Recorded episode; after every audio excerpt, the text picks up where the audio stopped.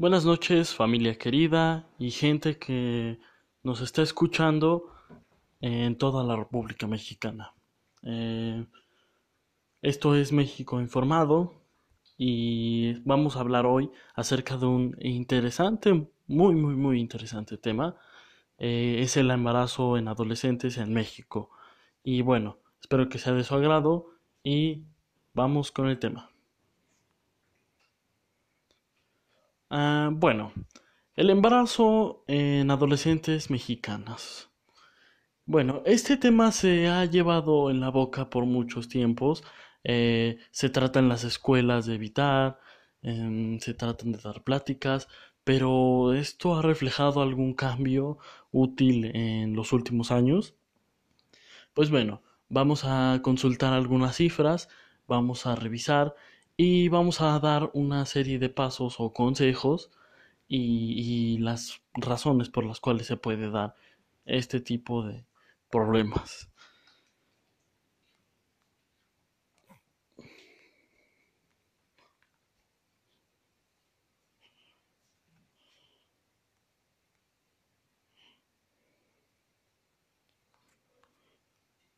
Bueno, de acuerdo con las estadísticas, de la Estrategia Nacional para la Prevención del Embarazo en Adolescentes, en México ocurren al año 340.000 nacimientos en mujeres menores de 18 años y 15% de los hombres y 33% de las mujeres no utilizaron métodos anticonceptivos en su primera relación sexual.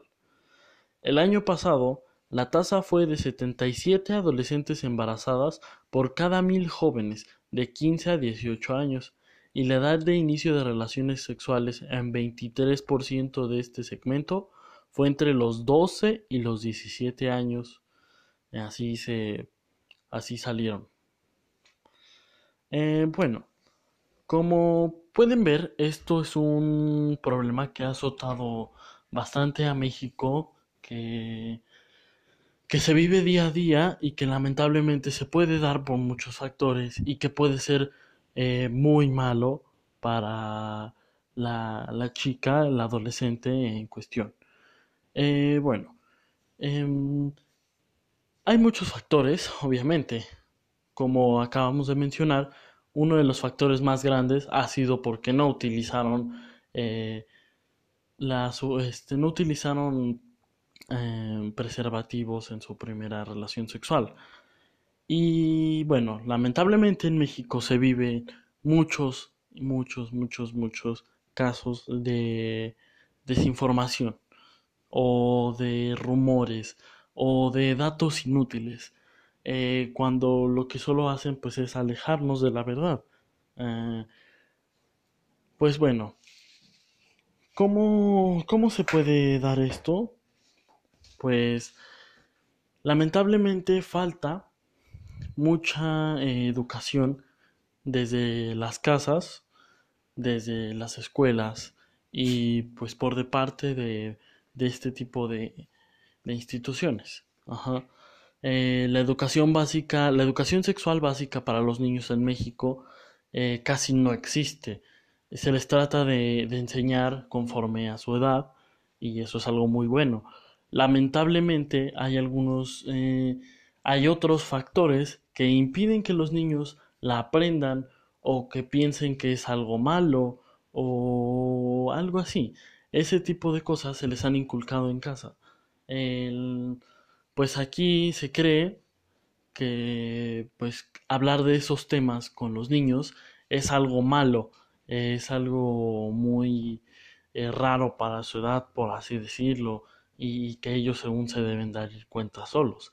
Cuando no, lamentablemente por todo esto, por toda esa desinformación o por ese pudor, pasa todo eso. Y pues bueno, es lo que se debe dejar hacer, se debe abrir la conciencia. Ajá.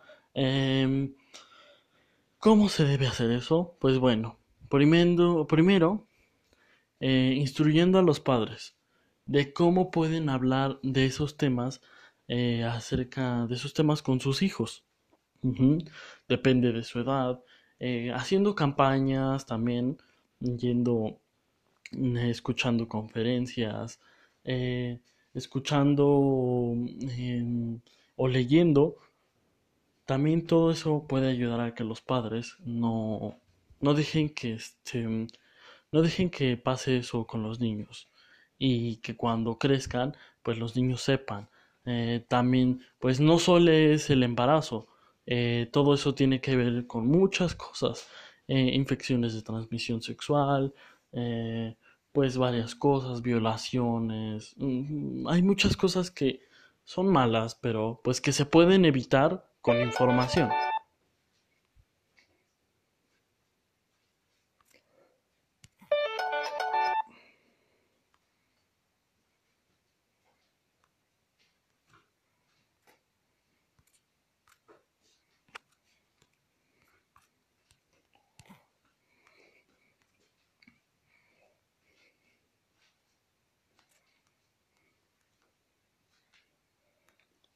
Pero bueno, em, también eh, es necesario que el Estado mexicano tome en cuenta variables de riesgo de tipo individual, social y familiar involucradas en este problema.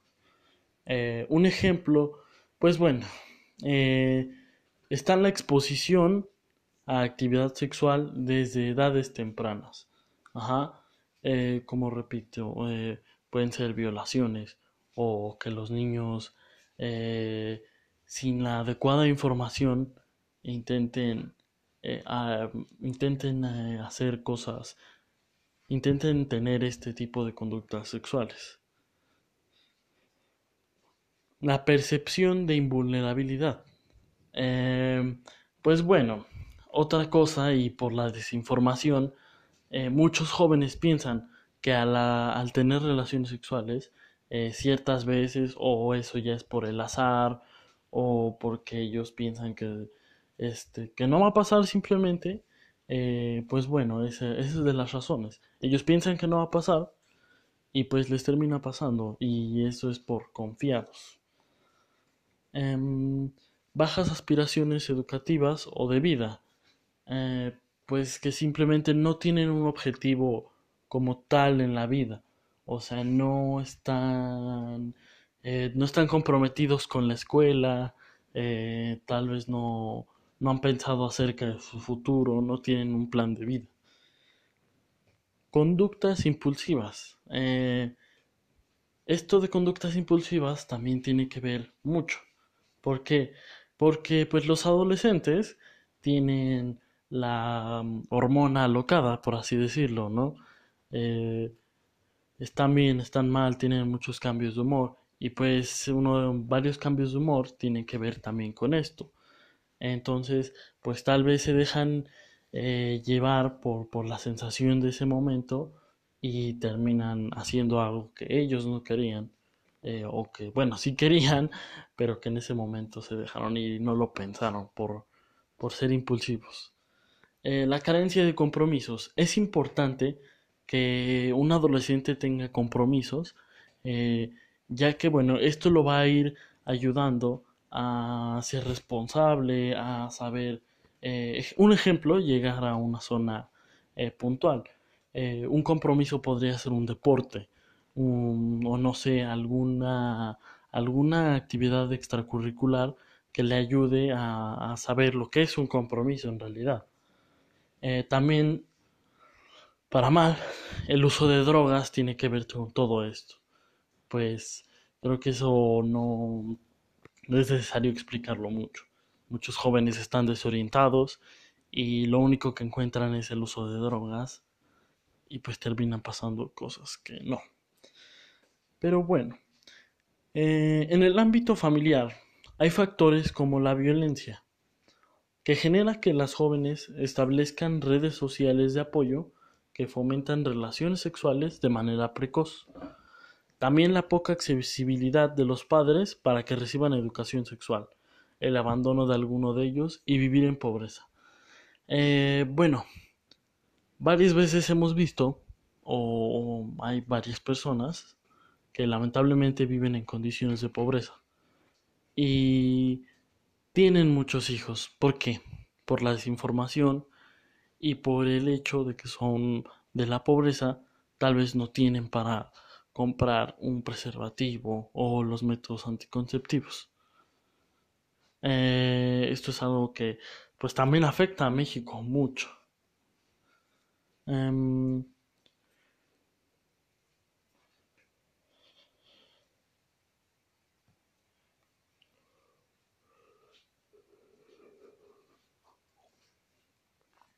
en la cuestión social está la orientación explícita de los medios de comunicación sobre conductas sexuales precoces con pobre información sobre la salud reproductiva.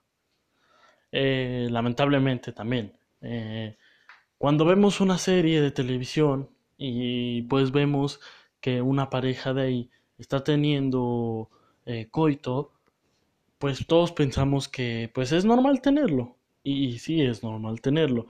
El problema es que pues eh, eso es ficción y ahí no vemos que usen un preservativo, que se preocupen por alguna enfermedad o una infección.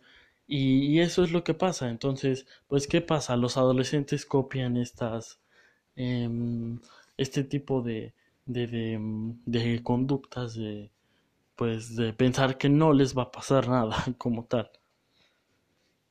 Pero bueno, Em, lo que pasa es que el Estado no puede resolverlo todo. Las instituciones de salud, así como las del tipo social y cultural, deben involucrarse más en la investigación de estos componentes.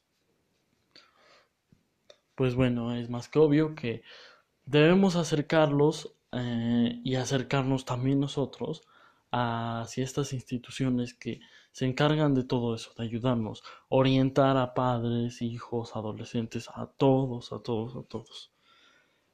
Se requiere pues educación para ejercer una sexualidad responsable y el abordaje con la familia, que es el vínculo principal para la socialización y contar con mecanismos de afecto, apoyo social y comunicación. Eh, pues más que nada se debe de tener confianza con la familia eh, pues debes de tenerles confianza. En este caso, si te, si una, si tu chica se embarazó o algo así, debes de decirles, ajá, debes de tenerles confianza. ¿Por qué? Porque la confianza es la base de muchas cosas. Em, además, que pues en, al menos la tu familia vio que ya confiaste en ellos tal vez ellos te puedan responder de una manera bien, ¿no? Te pueden apoyar. Ah, pues también eh, nos debemos de acercar a, todo esto, ¿no? Debemos de, ver bien, debemos de abrir los ojos, ver la realidad como tal. Mm, y pues la educación no es exclusiva de la escuela y de los centros de salud. Es lo que muchas familias piensan. Ajá. Que lamentablemente se piensa o piensan que la educación, eh, como los modales, las costumbres y todo eso, eh, solo vienen, eh, vienen hasta de la escuela y, no.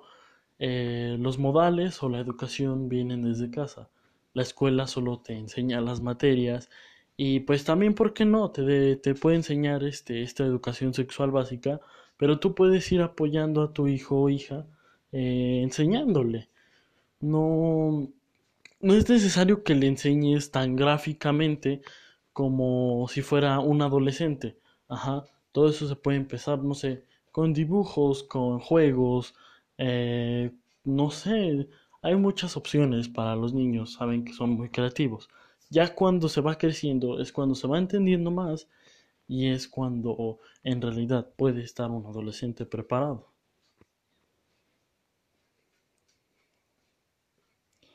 Y pues bueno, obviamente, la familia debe proteger a sus miembros, transmitir la cultura del conocimiento y sobre todo la socialización. Es ahí donde estamos fallando.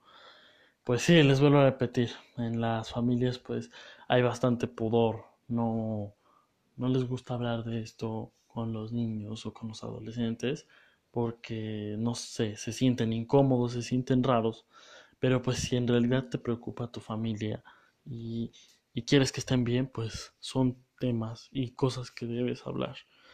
Eh, también, pues una de las maneras en las que nos podemos informar bien, eh, ejemplo, folletos, videos, conferencias, em, que se informen qué son los órganos sexuales, las características del hombre y la mujer, cómo se desarrollan y también involucrarse en el contexto familiar para saber de la importancia de una vida sexual reproductiva responsable y saludable. Eh, hay, muchas maneras de solucionar todo esto. Lamentablemente, pues eh, muchos son muy flojos, eh, a muchos les da flojera el informarse, el leer y luego se terminan creyendo cosas que no son. Em, este ha sido un pequeño, un pequeño podcast, un, un pequeño informe. Eh, ¿Para qué? Para evitar que estas situaciones en México sigan aumentando o sigan creciendo.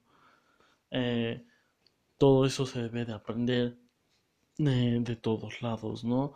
Debemos de aprender a abrir los ojos en realidad, de ver que el mundo no es este, no es malo, el mundo no te va a criticar por hablar de esos temas con tu hijo o hija, el mundo no te va a criticar por estar bien informado.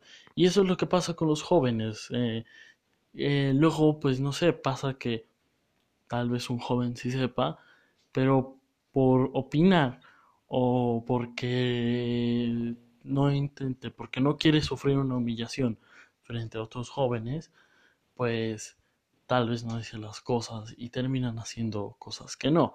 Entonces, eh, pues debemos abrir los ojos, más que nada. Debemos de saber que estos temas eh, son públicos, son abiertos, se deben de hablar eh, desde la familia y que todos estos y todo esto nos puede ayudar a ser mejores ciudadanos, a aprender a controlar nuestras vidas y pues que México deje, deje la ignorancia que, tiene atrás.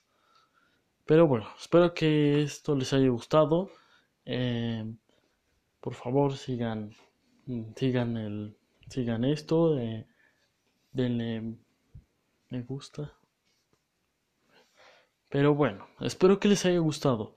Eh, soy Saúl Sánchez Salgado, su servidor y nos vemos hasta la próxima. Adiós.